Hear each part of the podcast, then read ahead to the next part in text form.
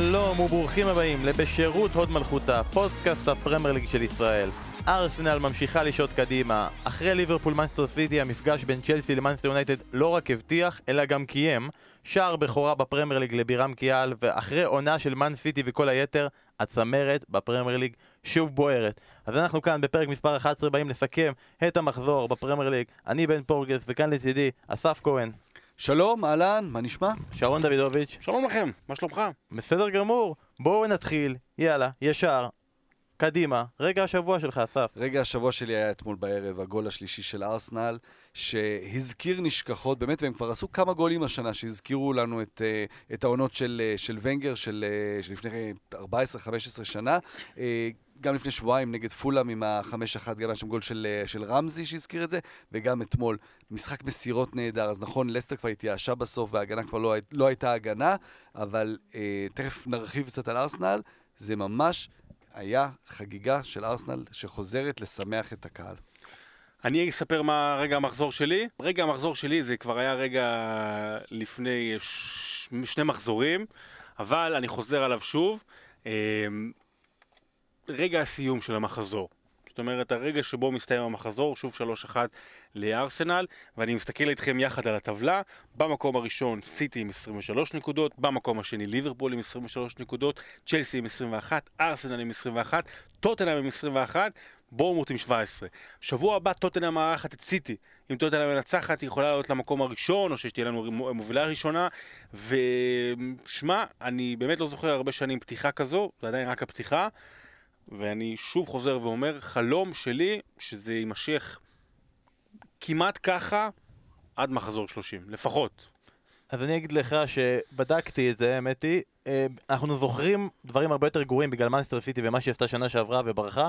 לפני שנתיים גם כן היו חמש קבוצות, אחרי תשעה מחזורים מאוד מאוד צבונות בהפרש של שתי נקודות. אה, אנחנו רק מקווים שזה יישאר ככה גם כן, ולגבי מה שאתה אמרת אסף, אנחנו מזמינים אתכם לעמוד הטוויטר שלנו, לראות את השער שדיברת עליו, יש לנו עכשיו שם פינה שבועית, הגול הכי יפה אי פעם של ארסנל, כל שבוע אנחנו מעלים שם גול הכי יפה חדש. רגע השבוע שלי, זה היה הרגע... תגיד, איזה חוצפן אתה. יש כאילו הגול הכי יפה בהיסטוריה של הפרמייר ליג זה גול של ארסנל, ואתה כל שבוע מביא גול חדש. הרגע כן, הכי יפה אי, הרגע הכי יפה אי פעם השבוע. תחת אונאי אמרי, כן, אוקיי. מעניין אם המאזינים שלנו יודעים לאיזה רפרנס הוא התכוון. ששער הכי גדול אי פעם של ארסנל בפרמייר ליג. ואם אנחנו, הם לא יודעים, אנחנו מזמינים אותם לפרק מספר 6, ספיישל ההולנדים שלנו. איי איי איי, יפה מאוד. אה, רגע השבוע שלי זה הרגע בו אה, קווין דה בראונה חזר למגרשים אחרי סך הכל באזור החודש וחצי, חודשיים פציעה, ציפו ליותר. אני לא אגיד שמאנסט סיטי לא הסתדרה בלעדיו, היא הסתדרה. בוא נגיד שיש אפילו יגידו, זה לא הורגש, הרכבת המשיכה לנסוע. אבל יוצא לי עכשיו לראות את הסדרה שלהם.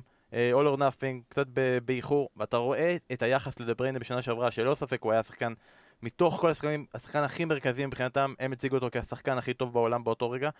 אה, שחקן שמאוד חשוב לסיטי, וגם לא רק הרגע הזה שהוא נכנס, וגם הנגיעה הראשונה שלו בכדור, מי שיצא לראות, הוא כאילו הלך למסור אחורה, ופתאום סובב את כל הגוף כזה ב-90 מעלות, ומסר מסירה אחת קדימה למאחרז, בין שני שחקנים, ישר אליו, זה כאילו דברים ש... טוב שקווין דה בריינה שוב על המסכים שלנו בכדורגל. אתה אומר לעצמך, אם הנגיעה הראשונה שלו, שלו כל כך טובה, מה יהיה בנגיעה השנייה? אז עכשיו אנחנו רק צריכים לחכות למחזור הבא נגד טוטנאם שהוא ייתן שם בראש. אוקיי. אה, אבל מנצ'סטריטי אנחנו נדבר יותר מאוחר. אנחנו נתחיל עם המשחק שסיים את המחזור, המשחק שנתן לנו את שער המחזור, את שער אי פעם, עד מאז... של המחזור. של המחזור. ארסנל נגד לסטר, אז ארסנל עם שבעה ניצחונות רצופים בפרמייר ליג, עשרה ניצחונות רצופים בכל המסגרות. אמ, בעיקרון יש רק שתי קבוצות בליגות הגדולות של אירופה שהן עם שבעה ניצחונות רצופים, שזה פריס סן ג'רמן בצרפת, איינדהובן בהולנד, כמובן יש להם יותר. וכמובן זה הולנד. כן, אבל זה הולנד וצרפת, ששם הם פשוט... והם שתיהן במקום הראשון, ארסנל עוד לא שמה, אבל זה פשוט מרגיש טוב, אמנם הם עושות את זה מול הקטנות, אבל כמו שאתם יכולים לראות, והבינוניות, והבינוניות. והבינוניות, נכון, הקטנות והבינוניות, עוד לא מול הגדולות. דור הופמן אמר את זה, שיש PSG ויש PSV, ובעצם אז ארסנל יהיה ה-PS-ה. כן, הוא אמר את זה אתמול לא? לא, הוא לא אמר את זה על ארסנל, הוא אמר PSG, PSV, והוא אמר צריך למצוא PS-ה, אז הנה, אז ארסנל היא PS-ה. ארסנל היא PS-ה. אה, אז היא עושה את זה מול הקטנות, היא עושה את זה מול הבינוניות, העיקר שהיא עושה את זה, והעיקר שהיא עושה את זה בצורה שהיא עושה את זה. כל כך יפה.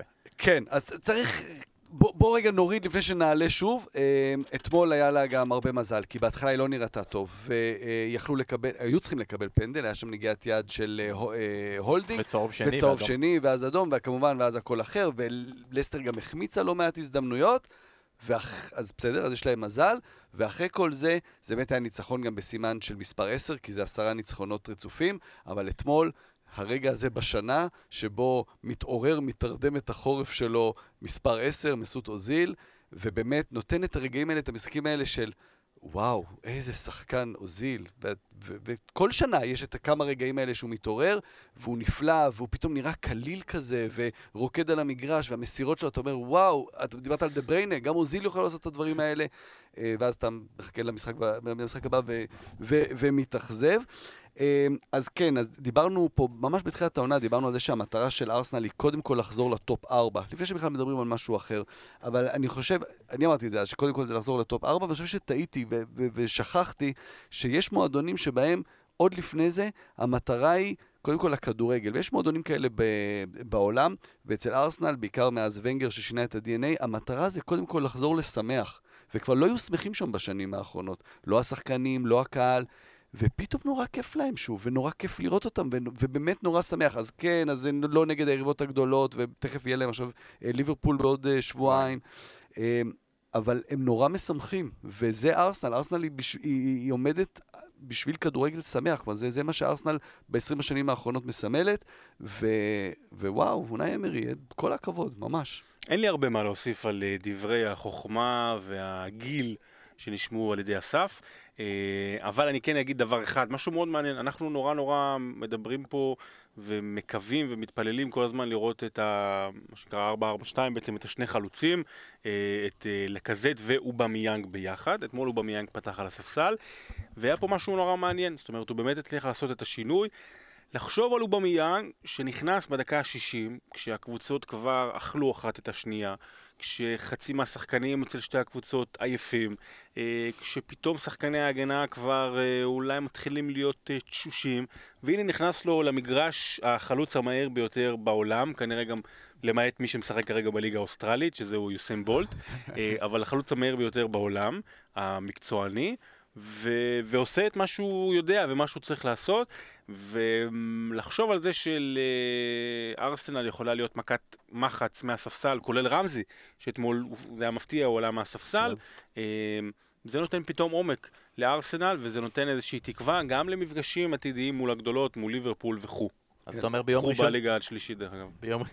והוא הולנדי. הרוסית. הרוסית. אה, לא, אבל יש, אז באמת גם רמזי וגם אובמיאנג באים אה, מהספסל.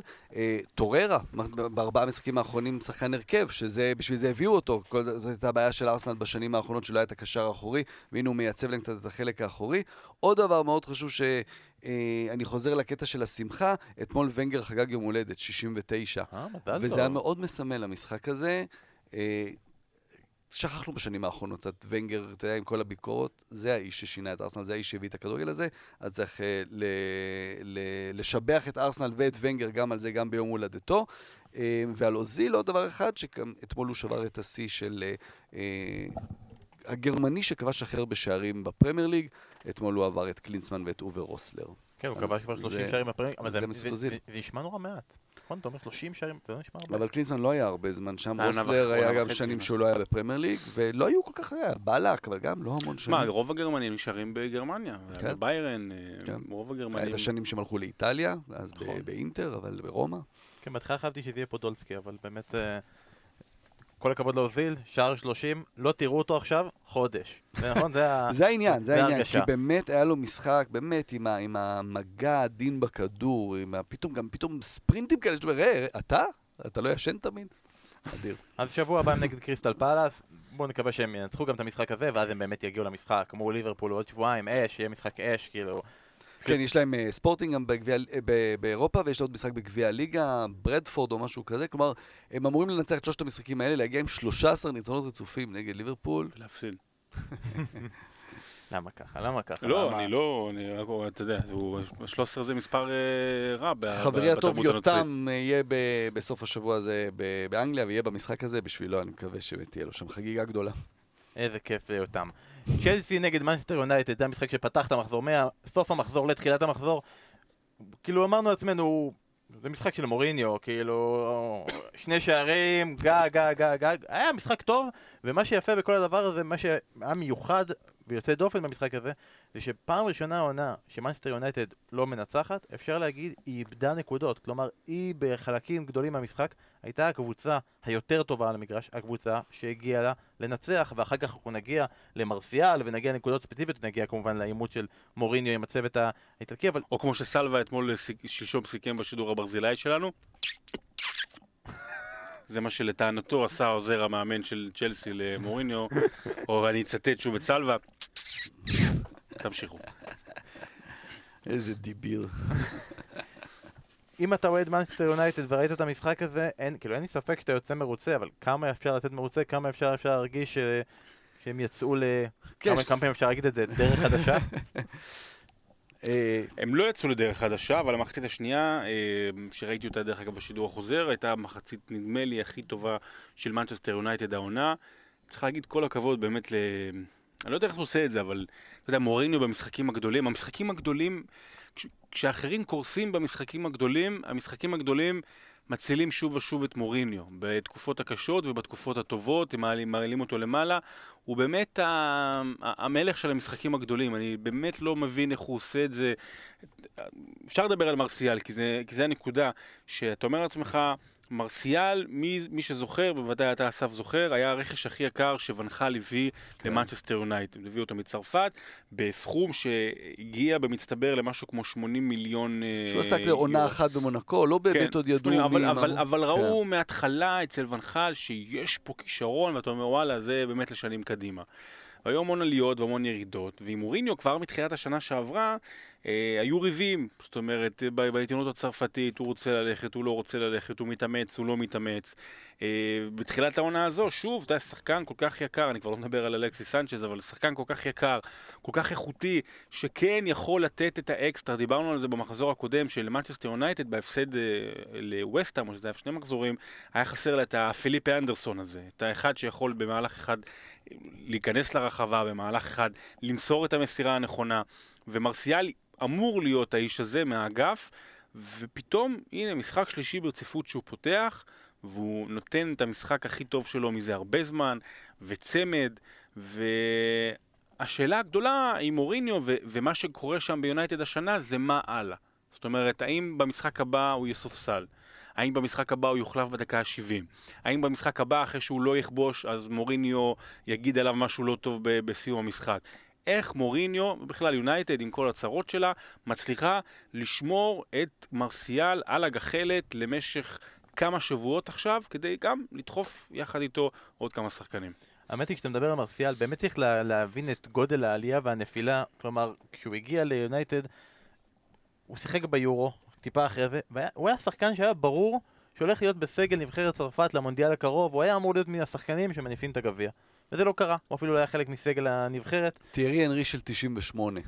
כן, הצעיר ו... הזה ש- שעשה עונה טובה, ויאללה בוא ניקח אותו לנבחרת, גם אז כשחקן כנף הוא היה.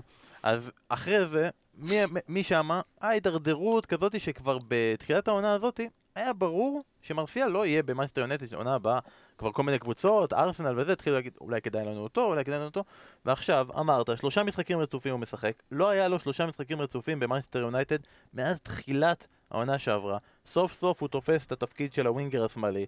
יכול להיות שעכשיו גם מוריניו יתחיל להבין שעדיף כרגע אותו מת אלכסיס סנצ'ז. ותראה, כבר זה שחקן שהיה הרגשה ש... שהוא גמור, מין רנטו סנצ'ס, ורנטו סנצ'ס גם כן טיפה חוזר בביירן. האם מרסיאל גם כן יכול לפרוץ קדימה ולהוביל את יונייטד? הוא יכול לנסות. יכול לנסות. אבל, אז בוא, אוקיי, מרסיאל דבר אחד. אה, אני רוצה לדבר על מוריניו, אה, במובן הזה שאולי הוא לפני הזדמנות חייו. קטונתי כמובן, אבל אני אומר דבר כזה, יונייטד של מוריניו, הם לא טובים בלעשות הגנה. הם לא טובים בלהגן. הם עלו הרכב התקפי יחסית. אבל כל קרן, כל משחק איזה קרן או איזה מצב נייח והם חוטפים שער. יש ו... להם, הנה הנה רגע, כן? זה, לא יודע מה, כן? בשלב הזה בעונה שעברה בתשעה מחזורים היו להם שבעה משחקים שהם שמרו על שער נקי, העונה רק אחד. וואו. אפרופו הגנה לטובה. אני אחזיר אותך עוד יותר אחורה. עם אותה הגנה. בדיוק, אז זה גם השוואה טובה כי זו אותה הגנה. אני רק רוצה להשוות רגע אה, לעונה הראשונה של מוריניו באנגליה. 2004-2005, עונה ראשונה שלו בצ'לסי, כל העונה הוא ספג 15 שערים. העונה כבר- העונה. כבר יש לו 16, הוא ספג 16. מדהים. אז זה שניים מצ'לסי ושניים מניוקאסל ושלושה מווסטהאם וגם אה, מול דרבי קאונטי הם ספגו שניים. הם פשוט לא טובים בלהגן. עכשיו, מוריניו, זה מה שהוא יודע לאמן, נכון? מה שאנחנו מכירים מהשנים האחרונות. אני אומר, תחזור לתחילת הקריירה, לפורטו. אתה יודע מה, יש לך שחקנים כאלה, עם מרסיאל שדיברנו עליו, ורשפורד ולוקאקו ואלקסיס. בוא תשחק התקפה. בוא תפתיע את כולם, תשים הכל על ההתקפה שלך. כשאנחנו רואים, אה, אתה יודע, מוריניו פיתח משהו מול הכדורגל הזה של פפ לאורך השנים עם, ה, עם האוטובוס הזה, ואינט, בשנים באינטר ואחרי זה בצ'לסי. בוא תשחק התקפה, בוא תפתיע את כולם, תלהיב את כולם, זה גם אתה במקום המתאים לעשות את זה במנצ'סטר יונייטד. זה שהוא יודע לעשות את זה, זה, זה ברור, אתה זה לא שהוא, אנחנו רואים מישהו ש, אה, ש, שלא יודע כדורגל, ו, וזה, ואז זה יהיה, הוא באמת יצא הגדול מכולם. סתם מחשבה שלי. אבל בואו נתקדם ממוריניו לרגע הזה, בסיום המשחק. אה, הפיצוץ שלו, לא, הרגע הזה, נכון? אה, כאילו סלווה פשוט איתנו, פשוט איתנו. ניתן לכם פה breaking news, במידה וזה עוד לא זה. ניב דוברת, השליח שלנו, היה במשחק, סיפר לנו הוא שמיד... מדי פעם הולך הביתה? מה? הוא רואה את המשפחה? הוא רואה את המשפחה? אין משחק כן. שהוא לא או נמצא שהוא נוסע באנגליה. ללסטר, בדיוק. לא- לסטר, לונדון. מישהו אמר לנו את זה בטוויטר, יש לו את העבודה הכי טובה בעולם, אל תרחם עליו לרגע. חלילה. אמ, הוא אומר שבסוף המשחק, שני- אה, המאמנים ירדו למטה, אמ, חדרי הלבשה של צ'לסי מאוד קרובים אחד לשני, ומוריניו עדיין היה בזעם של כל העניין הזה, והוא התחיל לקלל באיטלקית. כי מוריניו יודע איטלקית, אימן הרבה זמן באינטר, הוא רצה שאף אחד לא יבין, חוץ מסארי, ועוזר מאמן שלו, לקלל וקלל וקלל וקילל, סארי יצא החוצה, החליף איתו כמה דין ודברים, הרגיע אותו, הרגיע אותו, הרגיע אותו, העוזר מאמן, זה שעשה לו את ה... יפה, הוא יצ- יצא גם כן החוצה, התנצל בפני מוריניו, הם אישרו את ההדורים, ואז מוריניו בא וכאילו לחץ לו את היד, ואז נתן לו צ'פחה כזאת. אבל עזב את היד. לא, נתן לו את הצ'פחה הזאת שזה כאילו צ'פחה ידידותית, אבל אני גם רוצה להכאיב לך באותו רגע, איזה, שכזה, שהעורף ירגיש את זה. באיטליה זה הוצאתי עליך חוזה. כן, אז, אז זה מה שקרה אחרי המשחק, בוא נחזור למה שקרה שם. זה היה תגובה אותנטית של מוריניו, שזה עוד פעם היה חלק מהמשחק הזה של מעליבים פה את הקבוצה שלי באותו, ב- ברגע הזה? לא, שזה היה אותנטי. זה אותנטי, הוא רצה זה לנצח כואב, שם, זה הוא בא, עשה לו, יותר מזה, זה פעם הכי, אתה יודע, כולנו יוצאים כל הזמן על מוריניו, כולנו, אני מדבר עוד אה, כדורגל האנגלי, כי אבל קל. אנחנו- אנחנו מתחבאים פה- בחדר. כן, אין, אין, אין, פה, אין פה כמעט אף אחד שראיתי שהאשים אותו בהתנהגות, אולי, אתה יודע, זה לא התנהגות נאותה ל- למאמן מנצ'סטר יונייטד. אלכס פרגוסון עשה דברים כן. גם כאלה פחות או יותר, וגם אה, זה. אה, אבל... דווקא אני חושב שפה בניגוד, אני חושב שבדרך כלל כש- כשמוריניו עושה, עושה כל מיני אה, דברים כאלה, זה תמיד עם מחשבה, לאורך השנים כמובן עם ונגר, אבל גם עם אחרים, של להדליק אותם. ופה זה באמת היה תגובה של מוריניו. היה לו את ההוא, סליחה שאני לא זוכר את שמו, שמאמן של ברצלונה שהלך לעולמו, שהוא היה עוזר מאמן. וילנובה. וילנובה, שהוא משך לו באוזן וזה, ו... כן, לא, אה, רפה בניטס, כן. תמיד היה כל מיני אה, אה, פרדיו. אני רק, אתה יודע, אני, אני מבין ולא מבין את, ה... את חוסר החיבה שהוא מקבל בסטמפורד ברידג'. וזה לא מקובל עליי. אני יודע שהוא אמר כמה דברים לפעמים, ו... ולפעמים הוא בא בטענות. הוא עשה אתכם. סליחה שאני אומר את זה. הוא ורומן אברמוביץ' ופרנק למפרט וג'ון טרי, נכון. אבל הוא עשה את צ'לסי, מה שהיום, בהרבה, מוב- בהרבה מאוד מובנים. ו... ואני ממש, אתה יודע, אנחנו הרבה פעמים נגד מוריניו ב- ב- ב- בדברים שהוא עושה, ופה אני מבין לליבו, כשהוא מגיע למקום שאמור להיות לא בית, אבל מקום שהוא במוד... אני לא רואה סיבה שיום אחד לא יהיה שם פסל שלו מחוץ לאצטדיון, מחוץ לסטמפורד ברידג'. למה לוונגר יש ולפרגוסון יש, אז נכון, הוא לא 25 שנה, אבל שוב, הוא אחראי על אה, ארבע מתוך... כן, אבל זה אולי מסוג הדברים? שהכרה... שלוש, סליחה, שלוש אליפויות. שלוש, הרי סוף המשחק, הוא בא, מחא. כפיים, ואז עשה שלוש. כן, שלוש נכון. אליפויות אני עשיתי פה. אז, אז אני לא, אני מורה מפריע לי, ואני כואב את כאבו. אבל יש לו הרבה יותר כסף ממני, אז לא, כאילו, אז לי הרבה יותר כואב. ממנו וגם. אי אפשר בלי קטע אחד של מוריניו במסיבת עיתונאים, אז אני אעשה איזה קצר. בסוף המסיבת העיתונאים הוא התייחס לקבוצה שלו, שהייתה צריכה לנצח והכל, ואז הוא התחיל להגיד, הוא פירט כל שחקן, הוא בא ואמר, מטה היה טוב, ומרסיאל היה טוב, ופוגבה היה טוב, ורשפורד היה טוב, ואנדר אררה גם כן שיחק. כאילו, אבל הנה, זה הדברים האלה, שתמיד עם מחשבה, כלומר, הוא רוצה להשאיר את כולם בעניינים, כלומר, תמיד להדליק עוד מישהו, ול... אוקיי, אנדר אררה היה בחודשים הראשונים מתחת ל- לזרקור, אתה יודע, לא, אף אחד לא, לא הסתכל עליו, אז הנה, עכשיו נשים עליו את הזרקור, שנסתכל, בוא נדבר על אנדר אררה, נדליק אותו. לא יודע, משהו כזה. ובגלל שמגיע להם מילה על צ'לסי, בוא נתייחס אליהם ממש ממש ממש בקצרה. אה, רוס ברקלי מ- מצהיר ואומר זה היה השבוע הכי טוב בחיים שלי בנבחרת אנגליה והגול הזה שהוא השווה מול אה, יונייטד שאגב אם אתה מסתכל אם אתה עושה freeze ים בגול זה פשוט לא יאמן ההגנה של יונייטד. כמו שאומרים כן. דוד לואיז נוגח שני שחקנים של צ'לסי ברחבה פנויים. רודיגר נוגח ברקלי פנוי. כאילו וספרתי שמונה שחקני יונייטד ברחבה חוץ מדה חאה ועדיין כולם פנויים. אה, שאלו אותנו את זה וכדאי להתייחס האם צ'לסי כשעדן הזאר לא טוב היא קבוצת top 4 אמרת את זה, אני חייב להחמיא לידידנו אסף, שהוא אמר בדיוק את זה. כש, כשצ'לסי הייתה בתקופה הטובה, אה, אז, אז, אז מעולה, הכל טוב ויפה, אבל צ'לסי נסמכת יותר מדי על עדן הזאר, ובאמת, אה, הוא, כאילו, זאת אומרת, אם הוא לא טוב, אז יכולה להיות לא טוב, אמרת את זה עוד, אבל- עוד לפני המשחק נגד ליברפול. כן, אבל סארי, כן, אני חושב שגם סארי כנראה הקשיב, והוא כן מנסה ב... איזה פודקאסט יפה. אה, של סארי, כן? אין, פודקאסט. יפה. אבל אה, אה, דיברנו על זה במובן הזה של שלישיית הקישור, שהיה את אה, קנטה, קובצ'יץ'. וג'ורג'יניו, שאין בעצם תמיכה בהתקפה, והמעבר הזה של רוס ברקלי הופך להיות שחקן משמעותי, זה בדיוק לפתור את העניין הזה, שאם אם עדן עזר לא מספיק טוב, אז יש, עוד תמיכה בהתקפה, והנה ברקלי כן נתן את הגול שלו. אה, אבל אה, הם כן, הם נסמכים על עדן עזר, בטח שיש להם נפילה בעמדת החלוץ, היה מורטה לא פוגע, ז'ירו, אחד השחקנים האהובים עליי, גם עדיין. הוא לא אמור לפגוע. ג'ירו הוא לא מנסה, לא כן. לא... אבל, אה, תשמע, אני אני טוען ש... לא יודע מה קרה שם, אבל אני טוען שהפרידה מדייגו קוסטה זה אחד המהלכים הכי גרועים שהם עשו בשנים האחרונות, אה, צ'לסי. שזה מצחיק כי דייגו קוסטה אומר שההגעה לצ'לסי זה אחד הרגעים הכי גרועים שלו בחיים.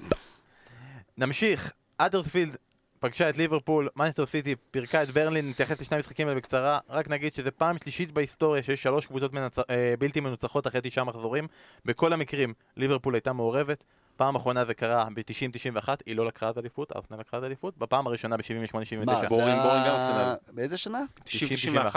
זה אני לא מייקל תומאס, לא, זה שמונה לא, תומאס זה 89. זה לא, זה לא השנה כן. הזאת. אבל רגע, בש- 90-91 אבל אה, רוני רוזנטל. זה אתה יודע, רוני רוזנטל. 90-91 זה רוני רוזנטל, ליברפול. אז אולי הם ילכו שמה, ואולי אני טועה ב-78-79. כן. נכון, יכול להיות שאני כן. טועה. נוריד את זה בעריכה? לא, נשאיר את זה, קצת ניתן, בסדר. אה, נתחיל עם אדרספילד ליברפול, המשחק הכי גרוע של ליברפול העונה בפרמייר ליג, המשחק הכי גרוע שלהם אה, בכלל, חוץ מנפולי. וזה היה המשחק שבעצם החזיר אותם בצורה מסוימת לשנה שעברה, כשפירמינו לא טוב ומאנה לא טוב, והמקרים האלה הם לא לא טובים, לא. שיחקו פירמינו עלה מחליף.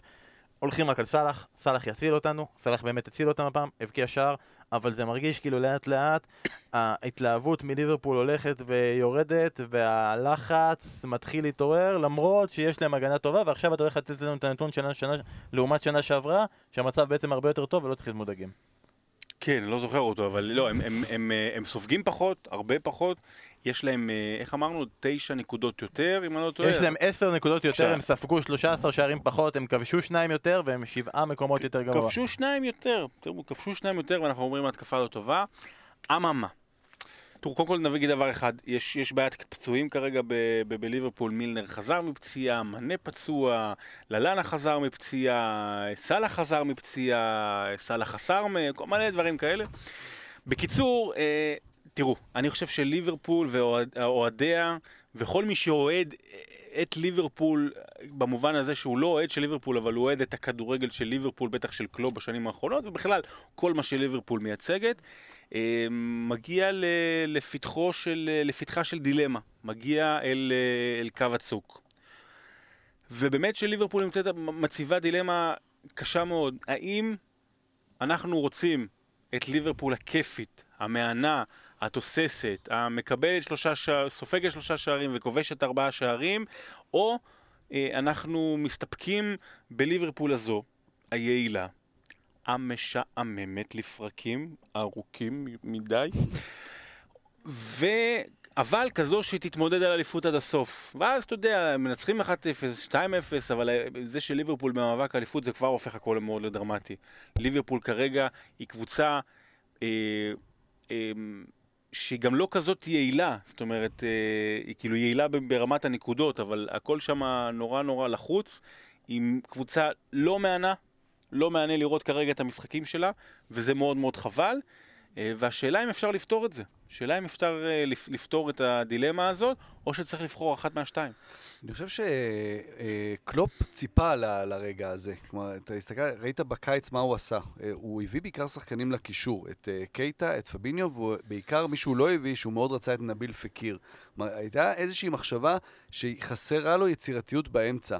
אה, ובאמת הוא משחק עם, בדרך כלל זה היה ויינלדום, אה, מילנר, אנדרסון, אה, קייטה פצוע, פביניו לא לגמרי השתלב, ואין שם הרבה יצירתיות בחלק האמצעי. מה שהוא עשה במשחק הזה, 90 דקות שיחק אה, שקירי בעמדה אז, באחד מהעמדות ה- בקישור, ויכול להיות ששקירי ייתן לו את הפתרון הזה, שפתאום שחקן קצת יותר יצירתי בעמדה הזו, אה, בטח במשחקים בליגה, בטח מול קבוצות כמו האדרספילד, אין שום סיבה לעלות עם שלושה שחקנים כאלה עם אה, מחשבה יותר דפנסיבית, אלא שחקן כמו שקירי. אה, אז נכון, אנחנו האוהדים הניטרלים נגיד, אה, מעדיפים ליברפול אה, שמחה וחוגגת, בסוף זה ספורט מקצועני, הם רוצים את הנקודות, ו- ואני לא חושב שהם באיזה מצב שתכף זה יתפוצץ להם והם יתחילו להפסיד. הם באמת הגנה מאוד מאוד חזקה. כלומר, זה לא כמו המזל שהיה לארסנל אתמול מול לסטר, שהגיע פנדל ללסטר והחמצות מטורפות. אה, ונדייק, אני לא זוכר כבר בחודש האחרון קרן, אם זה בנבחרת, אם זה נגד ליברפול, שהייתה שם- קרן והוא, והוא לא מגיע ראשון לכדור. דקה 80 ומשהו, לא זוכר בדיוק, הייתה לו שם גלישה, מצב שאדרספילד הייתה בתוך הרחבה, אני חושב עם מוניה שנכנס כמחליף, אה, ו- ו- והוא נותן שם גלישה, שזה אם לא, זה מסירת רוחב, ש- כשאולי שער, באמת אפשרי. אה, כן, הדברים הקטנים והגדולים האלה, אבל אה, זה בערך כרגע המשחקים של ליברפול. ומכיוון כזה, אני רוצה לשאול אותך, אסף, רגע, גם אתה יכול, שרון, על האדרספילד. כן. דווקא זה לא ההזדמנות הכי טובה, כי הם נתנו משחק לא רע, באמת, זה- הם תקפו את ליברפול והכל. אבל אנחנו תמיד כשאנחנו משווקים את הגמר פלייאוף הצ'מפיונשיפ, אנחנו מדברים על המשחק של ה-200 מיליון פאונד, המשחק שהיה כל כך הרבה כסף. לאיפה זה הלך? הוא שואל. כן. זה השאלה. איפה הכסף? איפה הכסף? כאילו, אתה מדבר, זה השאלה. ואנחנו אומרים, אה, גם זה, השאלה הזו מתאימה גם לקרדיף, כאילו, הקבוצה, יש כל כך הרבה כסף, אתה מסתכל, זה לא קבוצה של 200 מיליון פאונד. נכון. במה נכון. משקיעים? מי, מקבל את כל הכסף הזה? אה, לרוב- בקבוצות כדורגל 60% מהכסף מהתקציב זה השכר שחקנים.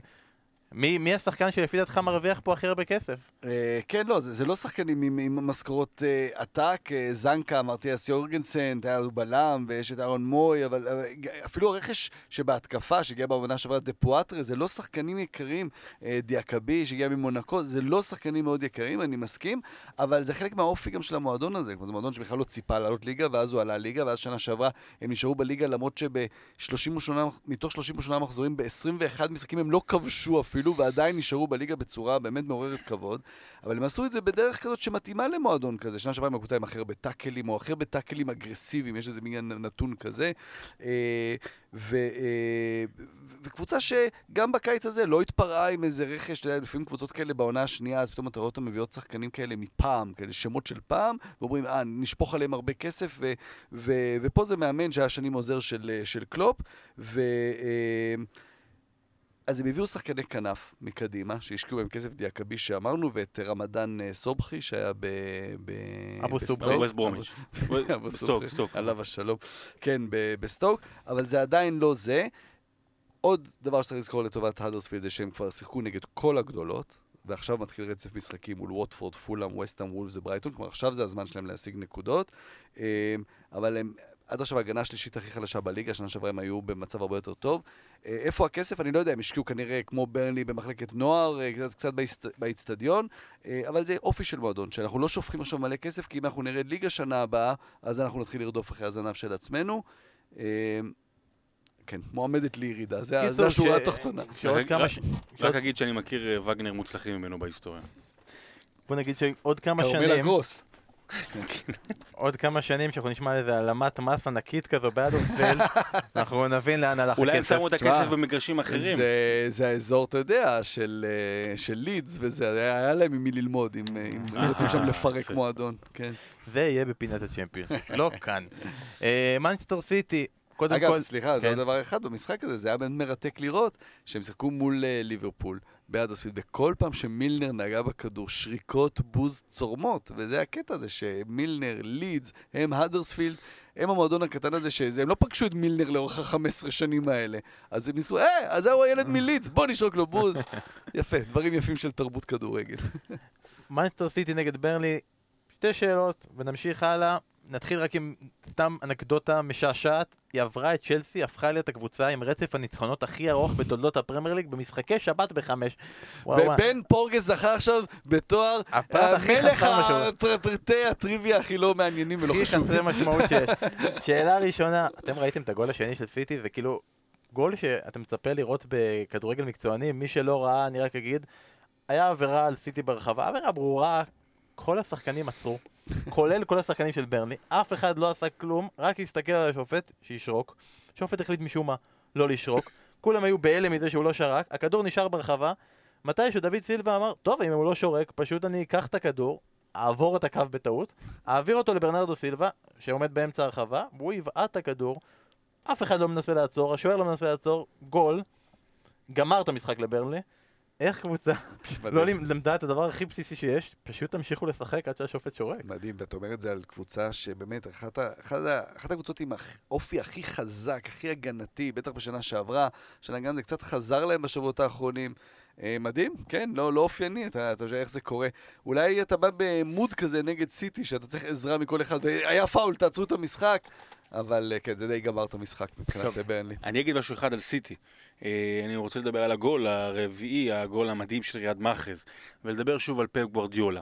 חשבתי על זה בלילה. שמע, פפ גוורדיולה זה בן אדם שאני אמור לא לאהוב בפן האישי. זאת אומרת, זה לא בן אדם שאני ארצה לשבת איתו לבירה, זה בן אדם שאני מפחד ממנו, זה נראה לי בן אדם לא נחמד, זה נראה לי בן אדם, באמת, זה נראה לי בן אדם פדנט, בן אדם שמדבר רק על כדורגל, לא רוצה, לא, לא רוצה. מצד שני יש את אה, אה, אה, פפ המאמן, שגם לו יש בהיסטוריה אי אלו בעיות, אבל פתאום אתה, אתה רואה צדדים כאילו שאתה אומר, אני, אני רוצה שהוא יהיה מאמן שלי עם כל הקושי. ריאד מאחרז הרס לסיטי לפני שבועיים ניצחון חוץ על ליברטו- ליברפול, עם ליברפול, לפני שבועיים עם פנדל שהוא החמיץ. והוא נתן לו לשחק. ואחרי שהוא כבש, הוא גם אמר, מאחרז היה חייב לשחק כדי באמת אה, להשתקם, כי הוא טוב, מספיק טוב. ריאד מאחרז זה אחד שהביא אותו ב-60 ומיליון פאונד, והוא לפעמים משחק, והוא לפעמים על הספסל, והנה, והוא, והוא כנראה קנה אותו. אפרופו מה שדיברנו על מרסיאל, הנה עכשיו פפ קנה את ריאד מאחרז, ואיזה גול הוא קיבל ממנו. רק תדע שזה לא פעם ראשונה, באמת, אה, אמרתי לכם, בתוכנית שעכשיו זה, היה משחק של סטרלינג נגד ברנלי, גם אז, העונה שעברה הם שיחקו נגד ברנלי, סטרלינג החמיץ מול שער ריק, הוא בא אליו בסוף המשחק, רק תגיד אה, שנגמר תיקו, תדע שאתה אשם בזה שלא ניצחנו. תדע שזה באשמתך, ואין דבר כזה, אתה לא יכול להחטיא גולים עם כדורים כאלה, אני מצפה ממך לתקן, מחזור אחרי זה, דקה שנייה הוא כבר הבקיע גול. אז... אה. אז זה יכול להשפיע. השאלה השנייה, ואז אני אמשיך, זה לך, שרון, הגוארו רחוק גול אחד מ-150 שערי פרמייר ליג, ולהשתוות למקום השמיני למייקל אוהן. אלן שירר רחוק במקום הראשון עם 260 שערים. לפני uh, הגוארו במקום השביעי, דפו עם uh, 162 שערים. הגוארו בדיוק האריך חוזה בקבוצה. הערכה שלך, אז לאן הגוארו יכול להגיע? כמה הנרי? יש לו מקום שני. 175. 100 כמה? 175. והוא כרגע 150? כן, 149. 149. 26 גולים, יש לו עוד שלוש שנים נגיד, אם הוא באמת ישלים את החוזה שלו. הגוורו... 26 גולים בשלוש עונות. כן. יהיה או מקום שלישי או שני, הוא לא, בוודאי לא יעקוף את שירר. את רוני 208 אני לא רואה אותו. לא, אה, אז רין- הנרי שלישי, נכון? לא, לא, חמישי. הנרי חמישי, מקום שלישי אנדי קול עם 187 שערים. אני חושב שהוא יגיע ל top אה, top 4. top 4, אבל לא, לא, הוא הוא לא יעקוף מקום שני, זה או 4 או 3. אנדי קול 37 שערים. 37 שערים זה כמות שהגוארו כובש בעונה וחצי. כן, אבל עוד פעם, זה... אבל אנחנו מדברים על... אה, כן, זה יכול להיות, 31, יכול להיות. 2, לא? אבל אתה יודע, אחרי, נגיד סיטי ממשיכה השנה עוד עונה כזו, בעונה השלישית, צריך לראות שזה באמת ימשיך כמו שזה אז איזה בשנתיים מקום האלה. אתה נותן לו? מקום שלישי. שלישי, אתה נותן לו לעבור את אנדי קול. אתה לא נותן לו. אה, קשה לי, קשה לי לראות אותו עובר את... נכון, זה עוד 26 גולים להנרי. העונה, נגיד, יהיו עוד עשרה, 12, האמת היא, אתה יודע מה, אי אפשר לדעת, אולי הוא יגיע ל-30 גם העונה. אני אומר שהוא עובר את רוני. אני אומר שהוא מסיים את ה- רוני גם, מקום עובר את שני. רוני, הוא מסיים את הקריירה במקום. השני. אמ, ומישהו שלא יסיים כנראה במקום השני זה טוטנאם. אמ, פתחה לא רע, כאילו יש לה את הפתיחת עונה הכי טובה בפרמייר ליג אי פעם. אבל משחקת רע. והיא נתנה עוד משחק רע וניצחה 1-0 את וסטאם. ויש לה עכשיו את הבעיה הקטנה הזאת, יש דיווחים בדיילי מייל שמציינים שההלוואה שטוטנאם לקחה מהבנק כדי לכסות העלות של האיצטדיון החדש עלתה מ-400 מיליון ל-500 מיליון בעקבות העיכובים בפתיחה של האיצטדיון שהיה אמור להיפתח, אם אתם זוכרים, כבר בספטמבר. זה שם אותם כ- כנראה כקבוצה עם החוב הכי גדול בעולם הכדורגל כיום, באירופה ומן הסתם בעקבות זה בכלל. אה, שיעשו כמו ריאל, יגידו לבנק, "תח- תחכו סגרו את לנו. את החוב. ו- סגרו את זה. כן. עוד תשובה. כרגע מדברים על זה שהם יעברו בנובמבר או באביב. כלומר, או בנובמבר או איפשהו כזה במרץ, אפריל. לא בטוח בכלל מתי זה הולך לקרות. אומרים יש עוד חיווט שם של קילומטרים. ויש מצב גדול שבקצב הזה, כל הזמן אמרנו, הבעיה של הרכש, ינואר. בעיה של הרכש, ינואר. יש מצב שיש בעיה של רכש בינואר. רק לדייק, אני חושב שלא נובמבר, נובמבר זה כבר לא על הפרק, יש להם עוד, הם צריכים לעשות שני טסטים במגרש עם כמה עשרות אלפי אנשים, לפני שבכלל מותר לעשות משחק רשמי. אז כרגע הם מדברים על אה, 15 בדצמבר נגד ברנלי, שזה איחור של שלושה חודשים, אבל יכול להיות שאם זה לא יספיק, אם לא יספיקו לזה, אז הבא זה רק חודש אחרי, ב-13 בינואר נגד יונייטד, כי בדרך יהיו להם עוד שני משחקים ב Boxing Day ומיד אחרי זה, מול בורנמוט ומול לא, אבל וולפס, הטסטים- אבל בתאריכים האלה הם לא יעשו אותם. הטסטים, אז הם אמרו שהם יעשו טסטים על משחקי אנדר 21 ודברים כאלה. כן, אבל, אבל אה, אבל צריכים אה, לה- אה, לה- להספיק, להגיע לזה. אה, אז לכן, אה, אני מסכים איתך, הם בבעיה מאוד מאוד גדולה, כי אם, אם באמת יבוא פתאום היום שהם יצטרכו לממש נכסים, אז זה לא רק לא להביא רכש, זה באמת עכשיו למכור פתאום את אריקסן ואת, אה, ואת קיין ואת עלי. שמע, אני חייב להחזיר, אתה, זה מזכיר נורא לאנשים את ארסנל. באחת הכתבות שעשיתי על אה, ונגר, אז הוא דיבר על כך, שאני לא יודע מה, מה, מה היחסים עם, עם טוטנאם והבנק, אבל אני, זה באמת, זה, שמעתי את זה, זה היה מדהים. כחלק מהחובות של ארסנל לבנק, או ה, להחזיר את ה... בשביל האצטדיון המהירויות, אז הם היו צריכים במשך אה, שלוש שנים רצופות, ארבע שנים רצופות, אה, במשך ארבע שנים, בשלוש מתוך ארבע להגיע ל- לליגת האלופות, משהו בסגנון הזה. זאת אומרת, שחלק מהחוב היה גם אה, תנאים, אה, תנאים אה, הצלחה מקצוע- מקצועית. הצלחה מקצועית, זאת אומרת שהצלחה מקצועית מביאה אוהדים כן. וליגת אלופות, ופתאום זה מצב מאוד מאוד בעייתי. ופוצ'טינו במובן הזה הוא לא ונגר. אה, ואתה יודע, אם חלילה טוטנאם זה, זה, זה גם ישפיע הזמנים על הם אלה ש- אחרים, התחרות שיש לטוטנאם עכשיו היא הרבה יותר גדולה משהייתה לארסנל ואם לפני אה, שנים. חלילה הדבר הזה ישפיע על טוטנאם בשנים הקרובות, אה, גם זה מסוג הדברים שיעריכו יותר את ונגר בראייה לאחור. ומחר, יום רביעי, או היום יום רביעי, או אתמול יום רביעי, תלוי מתי אתם שומעים את זה, הם פוגשים את איינדובן, ובאמת לאחד המשחקים הכי קריטיים מבחינתם בזמן הקרון, כי זה חלק מהמקורות כסף המאוד חשובים שטוטנאם יכולים לקבל, ואם הם לא מנצחים את המשחק הזה, כנראה מבחינתם הבית הזה גמור. בואו ניתן לך את ההזדמנות, הזווית ההולנדית.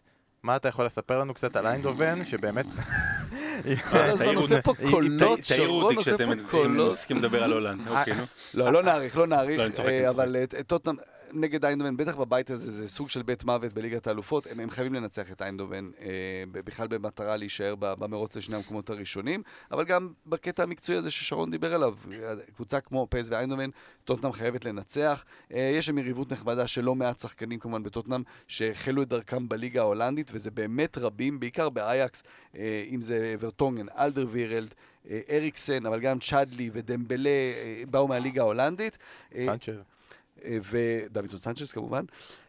לטוטנהאם לא יהיה קל, כי נכון שאנחנו רגילים להגיד, קבוצות הולנדיות הן, הן, הן לא ברמה הזאת של הטופ של אירופה, אבל לפסוו יש אה, שני כלי נשק בחלק הקדמי, ואחד זה אם אתה משחק מולם אה, הגנה אה, אה, גבוהה, אז יש להם גם את אה, אירווינג לוסאנו וגם את שמשחקים, מ- שמשחקים מאוד מהירים, ואז משחקים על המהירות שלהם, ואם אתה מחליט לשחק בתוך הרחבה להגן נמוך, אז יש להם את לוק דה יונג שיש לו משחק ראש פנומנלי, ובאמת אה, קשה להגן, קשה להגן מול פסוו איינדהובן. טוטנאם מגיעה למשחק הזה, היא באמת חייבת לנצח, אבל אה, אני, לא אופתע אם תהיה כאן הפתעה, ופסוו תנצח את המשחק. אז בחלוקה הזאת בין המגרש הביתי, שזה פודקאסט פרמייר ליג, לזה שזה אהבתך ההולנדית, עם- עם מי אתה הולך? אני, אני הולך עם המשחק הזה, זה- אני הולך לי- באמת פשוט ליהנות מהמשחק הזה, כי יש שם כל כך הרבה שחקנים שאני אוהב, שאני מעריך, ו- ושתי קבוצות באמת ש, שכיף לראות אותן. אז זה יהיה משחק מאוד קריטי, טוטנאם מול איינדובן. קצת- סיימתם? סיימת? אתה יכול לחזור, אוקיי. שרון, תחזירו אותו רגע לפה.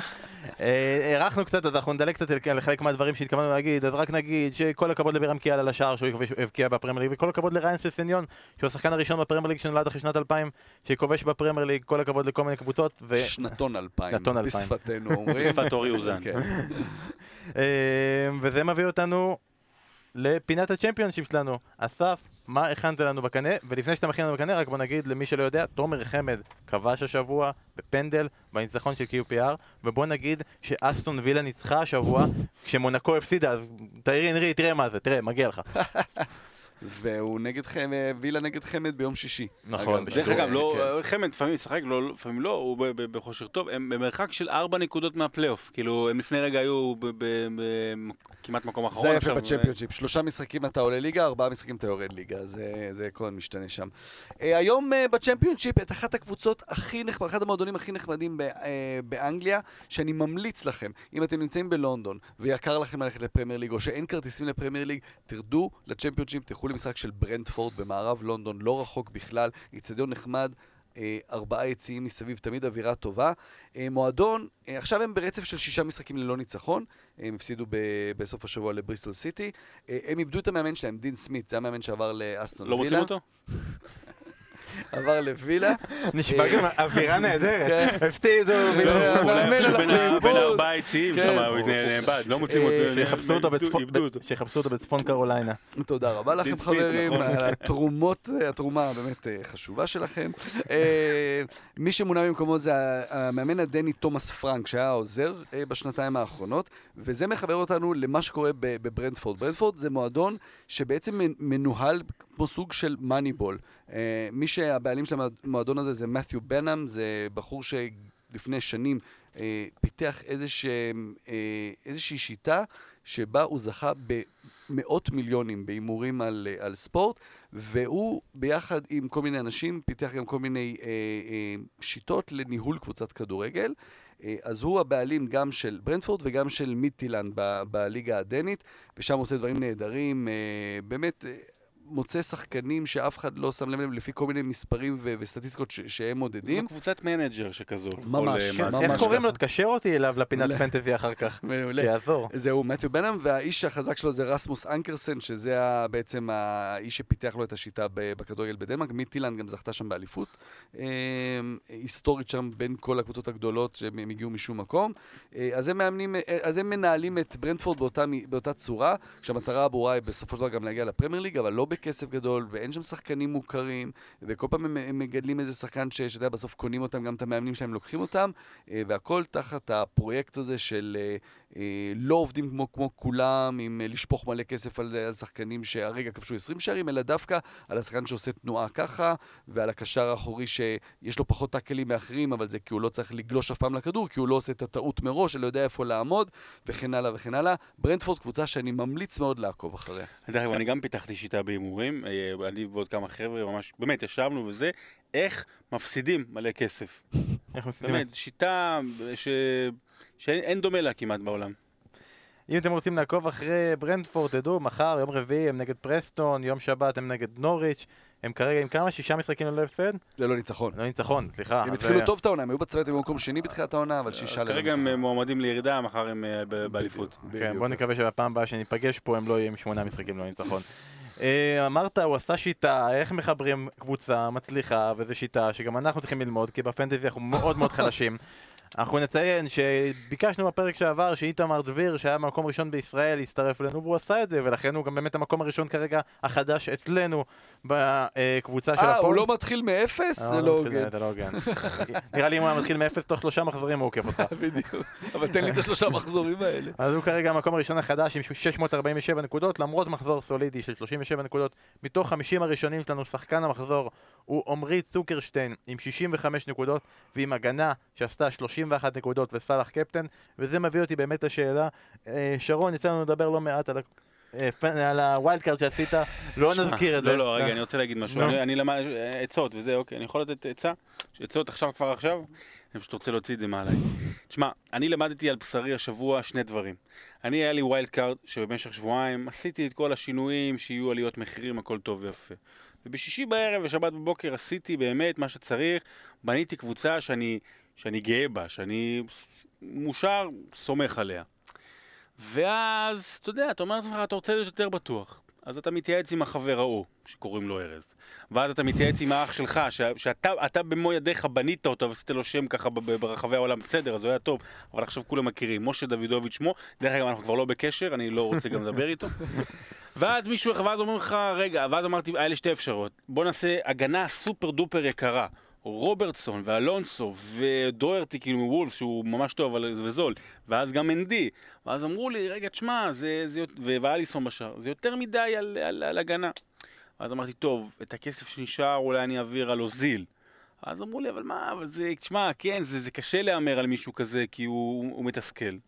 אז עשיתי משהו שבסופו של דבר גרם לי להפסיד 15 נקודות פוטנציאליות. ולמדתי שני דברים. אחד הקטע הזה של אה, אה, מחשבה על הגנה יקרה מדי, זה טעות, זה פסה. למה?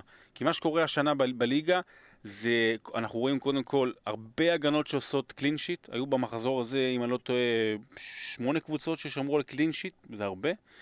והעניין הזה שהמגינים מביאים כל כך הרבה נקודות ובונוסים, והבישול הוא- יותר ושער יותר, אה, וזה ממש ממש ממש שווה, ומה שקורה, שכל השחקנים היקרים בליגה, בין ה-7, 7 וקצת, עד ה-11-12, לא מביאים את הניקוד הזה, לא בקישור ולא בהתקפה. אז זה דבר ראשון, כן לכו על הגנה חזקה. אה, ודבר שני, שהיה, שהיה לי נחמד להכיר את אח שלי. באמת, שכאילו, באמת, שיהיה לו בהצלחה בחיים, אני לא, אני, אני לא פה. קין והבל הבל. הבלים, זה מה שהוא אמר לי. אני אגיד לך שני דברים. דבר ראשון, תבין, אתה מבין את התסכול של הבחור הזה? והוא מעלינו בטבלה, הוא כאילו מתוסכל. אבל אני- הייתי יכול לברוח, לא, זה היה, הייתי יכול לברוח, הייתי יכול לברוח, ל- אה, עזוב. שרון נוגע פה, אתה אתה לוקח את הפנטזי, זה זה דבר אחד, זה משחק שהוא בעצם אמור לשקף את מה שקורה בכדורגל שם, ואנחנו מנסים כל, כל שנה או כל שנתיים לנסות להבין את המגמות החדשות בכדורגל. שווה לבדוק, אבל זה באמת מרגיש ככה ששחקני ההגנה הם שחקני התקפה החדשים. אה, ראינו את זה, התחלנו לראות את זה אז עם קונטה ושיטת שלושת הבלמים שכולם חיכו אותו, אבל זה כבר לא רק, זה גם הגנות של ארבע, עדיין אתה רואה את המגינים, כמה הם תורמים. אה, זרקת רוברטסון ומנדי ואלונסו, אה, אבל גם בקבוצות האחרות, דוארטי בוולפס, אה, ג'וני קסטרו, בכל הקבוצות האלה יש לך שחקני הגנה שנותנים, ואולי זה השינוי, ה- בוא נגיד, הגדול ש- שקורה, שהמגינים נותנים הרבה יותר, צריך לבדוק את זה, אולי נבדוק את זה לפעם הבאה, את המספרים. אז הנה, הקדמתם את. ה lineup, לא בדיקה מעמיקה, בדקנו מתוך 11 השחקנים שהביאו הכי הרבה נקודות בפנטזי עד עכשיו העונה, ארבעה שחקני הגנה ושוער, כלומר חמישה מתוך ה-11 הם שחקני הגנה, שזה מאוד משמעותי, בעיקר בהתחשב בזה שהשחקן ההגנה הכי יקר עולה כמו, שבע. עולה כמו כן. קשר ממוצע, כן. כלומר אם אתה בא ולוקח את. אתה יודע, את האלונסו, שהוא כמו שורלה. למה אז אני מקשיב? לא- לא- למה אני לא- מקשיב? לא למה אני היה לנו מקשיב את לי? הידע הזה, והיה עכשיו תחילת אוגוסט, והיינו עכשיו רק מקימים את אבל, הקבוצה אבל שלנו. היה לי את הידע הזה פחות או יותר לפני כמה ימים. חולרה. אז עכשיו אנחנו ממליצים, תביאו מגינים, תביאו מגינים, תביאו מגינים. יש לכם איזה שהם המלצות? את מי כדאי להביא? משהו בשלף כזה מהיר? אם עוד אין לכם את דוארטי בוולפס, למרות ההפסד האחרון, כמובן התרומה שלו וגם העובדה שהם שומרים על רשת נקייה, להסתכל על הקבוצות, על הרצף משחקים שיש לקבוצות אני- עכשיו. אתה יודע- לסטר למשל, אני אשאל שאלה כזאתי. אני אמ- קרסוול. אה, לא קרסוול, סליחה, צ'ילואל. צ'ילואל. צ'ילואל מלסטר. אני אמרתי פעם שעברה להביא את הולדינג, לא כזה עמד בזה, כי גם הוא חרף ספק שער, גם קיבל צהוב. אה, ביירין אומנם הבקיע שער עצמי, אבל שני בישולים, והוא ממש נראה לי בטופ של הבישולים בליגה כרגע. ביירין כדאי להביא? למרות שעוד שבועיים יש ליברפול? כן, כי אה, אתה, פשוט נראים טוב ארסנל, ונכון, אתה אומר, אוקיי, הם ניצחו עשרה רצוף, אז באיזשהו שלב זה ייפסק, אבל כל עוד הוא בנקר, והוא בנקר, והוא משחק, והתמיכה שלו בהתקפה היא ברורה, וארסנל, היא משחקת התקפי, ללכת איתו. אז זה ההמלצה הקטנה שלנו בפינת הפנטזי, וההמלצה הגדולה, תביאו שחקני הגנה. המלצה נוספת, אל תק- תקשיבו למשה אל תקשיבו לאף. אחד, don't trust anybody על הקבוצה שלכם, בטח לא לאחים שלכם. ויהיה טוב. דבר אחרון, לפני סיום, הפינה הקבועה, אתם שואלים, אנחנו עונים, פניתם אלינו בטוויטר ובפייסבוק ובג'ימייל. מלא שאלות, אנחנו בפעם הבאה נרחיב את הפינה. נכון, אנחנו נתחיל איתה, פשוט נתחיל איתה. ונסיים איתה. ונסיים איתה, זה כל התוכנית בפעם שעברה. פודקאסט אחד רק שאלות. אז אה, השאלה הראשונה היא אליך, לדעתי אסף, בתור נציג הצ'מפיונשיפ שלנו. ירין לילה שואל, איך קרה שקבוצות כמו לידס, בלקברן, סנדרלנד, הן לא קבוצות לגיטימיות בפרמייר ליג.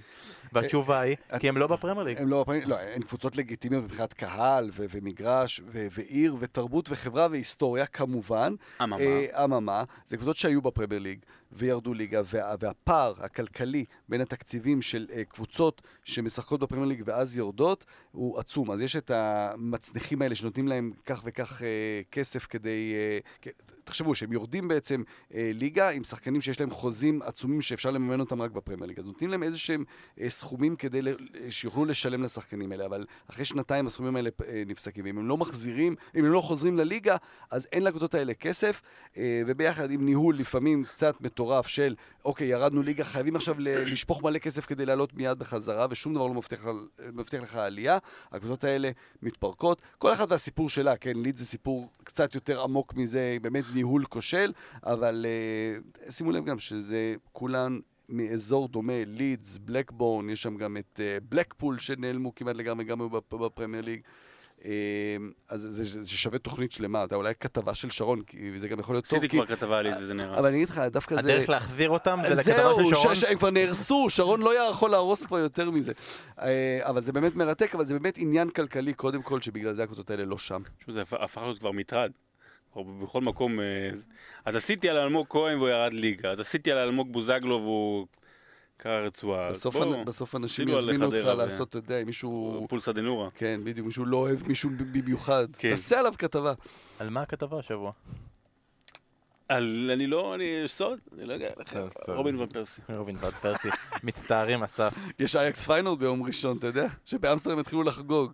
עכשיו שאמר- עכשיו שאמרנו את זה כבר עכשיו, אייאקס נגד פיינורד יום ראשון הקרוב, בלי רובין ון פרסי. כנראה הוא לא- לא ישרוד עד יום ראשון. נמשיך, ירדן באורין שואל שאלה, מי הקבוצה הכי מרגשת בכדורגל האנגלי? וכשאנחנו אומרים קבוצה מרגשת, אני שואל אותך שרון, אתה נציג הרגש שלנו. כן, אה, לא, אבד לי כל הרגש אחרי השיחות עם אה, משה על פנטזי. אה, תראה, זו שאלה, סליחה רגע, אתה תיתן את התשובה, אני רק רוצה להגיד, זו שאלה, מאוד קשה. זה זה כמו השאלה, זה שאלות כאלה, מה? פשר החיים, באמת, זה זה וואו. תראה, אני מניח שהרבה מאוד אוהדים ניטרלים של הליגה, כל, כל אוהד יגיד שזה הקבוצה שלו, והרבה מאוד אוהדים ניטרלים יגידו שאולי הדבר הראשון שעולה לראש זה ליברפול, ויש גם הרבה בזה היגיון, בטח עם never walk alone, ההיסטוריה, אילסבורו וכולי וכולי. אני אתן תשובה אחרת קצת, אני אתן נוטס קאונטי. נוטס קאונטי מהליגה הרביעית, וידידנו רמי זד מהטוויטר, אה, רמי זד, נתן לנו, נתן לנו גם אה, יופי של כתבה עליה, וגם אה, מדהימה. שיתפת. אבל יצא לי גם לשדר אותה בשנים האחרונות מספר פעמים, מדי פעם כשיש פגרות נבחרות אנחנו משדרים ליגה רביעית, מדי פעם גם יוצא כאילו לגביע ודברים כאלה. הם באמת קבוצה מרגשת, מי שלא מכיר את הסיפור, זו הקבוצה המקצוענית הראשונה בהיסטוריה. זאת אומרת, קבוצה מקצוענית ראשונה בהיסטוריה. יובנטוס עם חולצות שחור לבן, נכון, בגללם, נכון? יובנטוס שחור לבן בגללם, אה, קבוצה שהוקמה ב-61, אחת מ-12 המייסדות, ויחד עם אקרינגטון, היחידה 61. שלא נמצאת בין שתי הליגות הבכירות, 1861. זכתה בגביע אחד בלבד, זה היה במאה ה-19, אה, אבל עד היום היא שומרת על הגחלת, ועד היום כשרואים באצטדיון, יש שם הרבה גם תרומה לקהילה, ועד היום רואים שם המון המון אה, אה, אוהדים צעירים ומבוגרים, כאלה שהיו אז, עוד ב-1861, לא באמת. אה, אז, אז אני, כשאני שומע את השם הזה, אז אני, עולה לי הרבה רגש, יחד עם כל שם שאי פעם הובלתי לגמר ליגת האלופות במנג'ר. זה השרוסברי. והשיר המפורסם שהביטלס גם כתבו עליהם. Shrewsbury Fields forever. אז אסף המליץ על ברנדפורד אה, לנסוע, אולי- אולי כדאי בעצם לנסוע לנוטס קאונטי, זה בנוטינגאם, צפון לונדון. שאגב, אה, צפון, צפון אנגליה. אבל אה, זה משהו מאוד מעניין. בנוטינגאם, המגרש של נוטס קאונטי, יש נהר, ובצד השני יש את המגרש של נוטינגאם פורסט. זה שני האצטדיונים הכי קרובים בעולם. נכון, שידרתי משחק ביניהם, אני כבר לא זוכר וליד למה. זה יש מגרש קריקט, ששם גם אנגליה משחקת לא מעט פעמים לפני אנגליה, אבל זה, אה, וכשנוטס קאונטי משחקת בבית, נוטינגאם פורסט לא יכולה לשחק בבית, ולהפך, זה שני האצטדיונים הכי קרובים בעולם. הצילום מלמעלה, תסתכלו רגע בגוגל, תכתבו את אחד... סיטי גראונד של נוטינגאם פורסט, ואז תראו את המפה, שני אצטדיונים גדולים מאוד, אחד ליד השני. מי השחקן המפורסם האחרון ששיחק שם? בליגה? הרביעית. קווין נולן, מה זאת אומרת? אני חושב שעוד אחריו. מי? פטר שמייקל. לא? פטר, לא, לא פטר, קספר, קספר? קספר. קספר שמייקל ששיחק איתם בליגה הרביעית. וואלה. יפה. פטר אולי... חידשת. אה, כן? כן. קספר איך? שמייקל. מייקל? אוקיי. אה, שגיא למן שואל אותנו, הוא אומר, כרגע פולאם נראית כמו בועה שהתפוצצה, האם יש להם דרך איך להציל... נראית בועה שהתפוצצה? זה- זה זה- מר- זה- זה- זה- זה זה מרהיב. זה בווסטהאם, זה בווסטהאם מה יודעים את התשובה. תלך כל הזמן עם- הילדה אוקיי. ולעשות ככה, זה- מגניב. אה, האם יש להם דרך להציל את עצמם? אני אגיד לכם ככה, אסף גם רצה להגיב לזה, אני אגיד, בדקתי, הסתכלתי, שלוש שנות האחרונות, אין אף קבוצה שספגה אחרי תשעה מחזורים כל כך הרבה כמו פולאם. עונה שעברה, הכי הרבה שספגה זו הייתה סטוק עם 20 שערים, היא ירדה ליגה. עונה לפני זה האל עם 22 שערים, היא ירדה ליגה. עונה לפני זה נוריץ' עם 20 שערים, היא ירדה ליגה. כלומר, אם אתה סופג כל כך הרבה, הם בקצב של לספוג מעל 100 גולים בעונה. הם בקצב של מטורף. חגיגת ה- קרדיף לספוג ווין- ארבעה ווינר. פלוס ארבע ומעלה, בנקר. בו- בועה שהתפוצצה כי הם השקיעו כל כך הרבה כסף. לפי דעתי, הקבוצה מעל של 100 מיליון. מעל 100 מיליון בסוף חלון העברות זה פשוט היה כן, כן, כן, כן, תביא אותו, תביא אותו, תביא אותו, הביאו את עשרה שחקנים ביום האחרון, אבל נראה לי שיש דבר אחד, אסף, שהם לא הביאו. הם לא הביאו בלמים ברמה מספקת כנראה, והנה במשחק האחרון בקרדיף, שזה בעצם קרב צ'מפיונשיפ בשתי קבוצות שעלו, הם עלו עם שני בלמים שהיו בקבוצה בשנה שעברה, טים רים ודניס אודוי. אז הם, בכל הרשימת שחקנים פה, הם אה, הביאו המון שחקנים, הם הביאו את קלום צ'יימברס בהשאלה אה, מארסנל, והם הביאו את אלפי מוסון מסוונזי. עכשיו, אלפי מוסון היה באמת הבטחה מאוד גדולה, אבל עדיין הוא ירד ליגה בשנה שעברה עם סוונזי, כלומר... וקלום צ'יימברס גם, בארסנל הוא לא באמת הוכיח את עצמו, יש להם בעיה במרכז ההגנה, הם השקיעו המון כסף בשחקני התקפה, זה מוכיח את עצמו כי הם מבקיעים גם לא מעט, אה, אבל אני חושב שבינואר הם יצטרכו פה לעשות חושבים ולהביא להביא שחקני הגנה חדשים, כי זה באמת, זה באמת לא נראה טוב, ואני מקווה בשביל יוקנוביץ' שזה גם לא יעלה לו במשרה שלו, כי לחטוף רביעייה בקרדיף, אתה באמת בבעיה גדולה. אה, אז זה השאלות שלכם, היה עוד הרבה, ואנחנו ניס- ניסינו גם חלק מהם להתייחס בפייסבוק ובטוויטר, וחלק גם אנחנו נתייחס בשבוע הבא, צריך לשמור גם שאלות לשבוע הבא. וזה היה הפרק מספר 11 של בשירות הוד מלכותה, בשבוע הבא, טוטנאם פוגשת את מנצ'סטר סיטי, ביום שני זה יהיה המשחק המרכזי של המחזור, אבל כמובן יש עוד הרבה משחקים והרבה שידורים, ליברפול נגד קרדיף, וקריסטל פלאס נגד ארסנל, מנצ'סטר יונייטד נגד אברטון. מחכים לכל הדברים האלה ואנחנו מחכים גם לפגוש אתכם ביום ראשון הקרוב. אנחנו נהיה בפספורט ונתייחס לכל המשחקים שהיו בשבת וראשון באנגליה הדברים המרכזיים בחיפה. אנחנו נהיה ביום ראשון בשעה 10:40 אז תצטרפו אלינו לפספורט ואנחנו נהיה גם בשבוע הבא עם עוד פרק חדש של בשירות עוד מלכותה. אז שיהיה לכולכם שבוע טוב תהנו מליגת אלופות תהנו מהמחזור הקרוב של הליגה הטובה בעולם ונתראה שבוע טוב. ביי.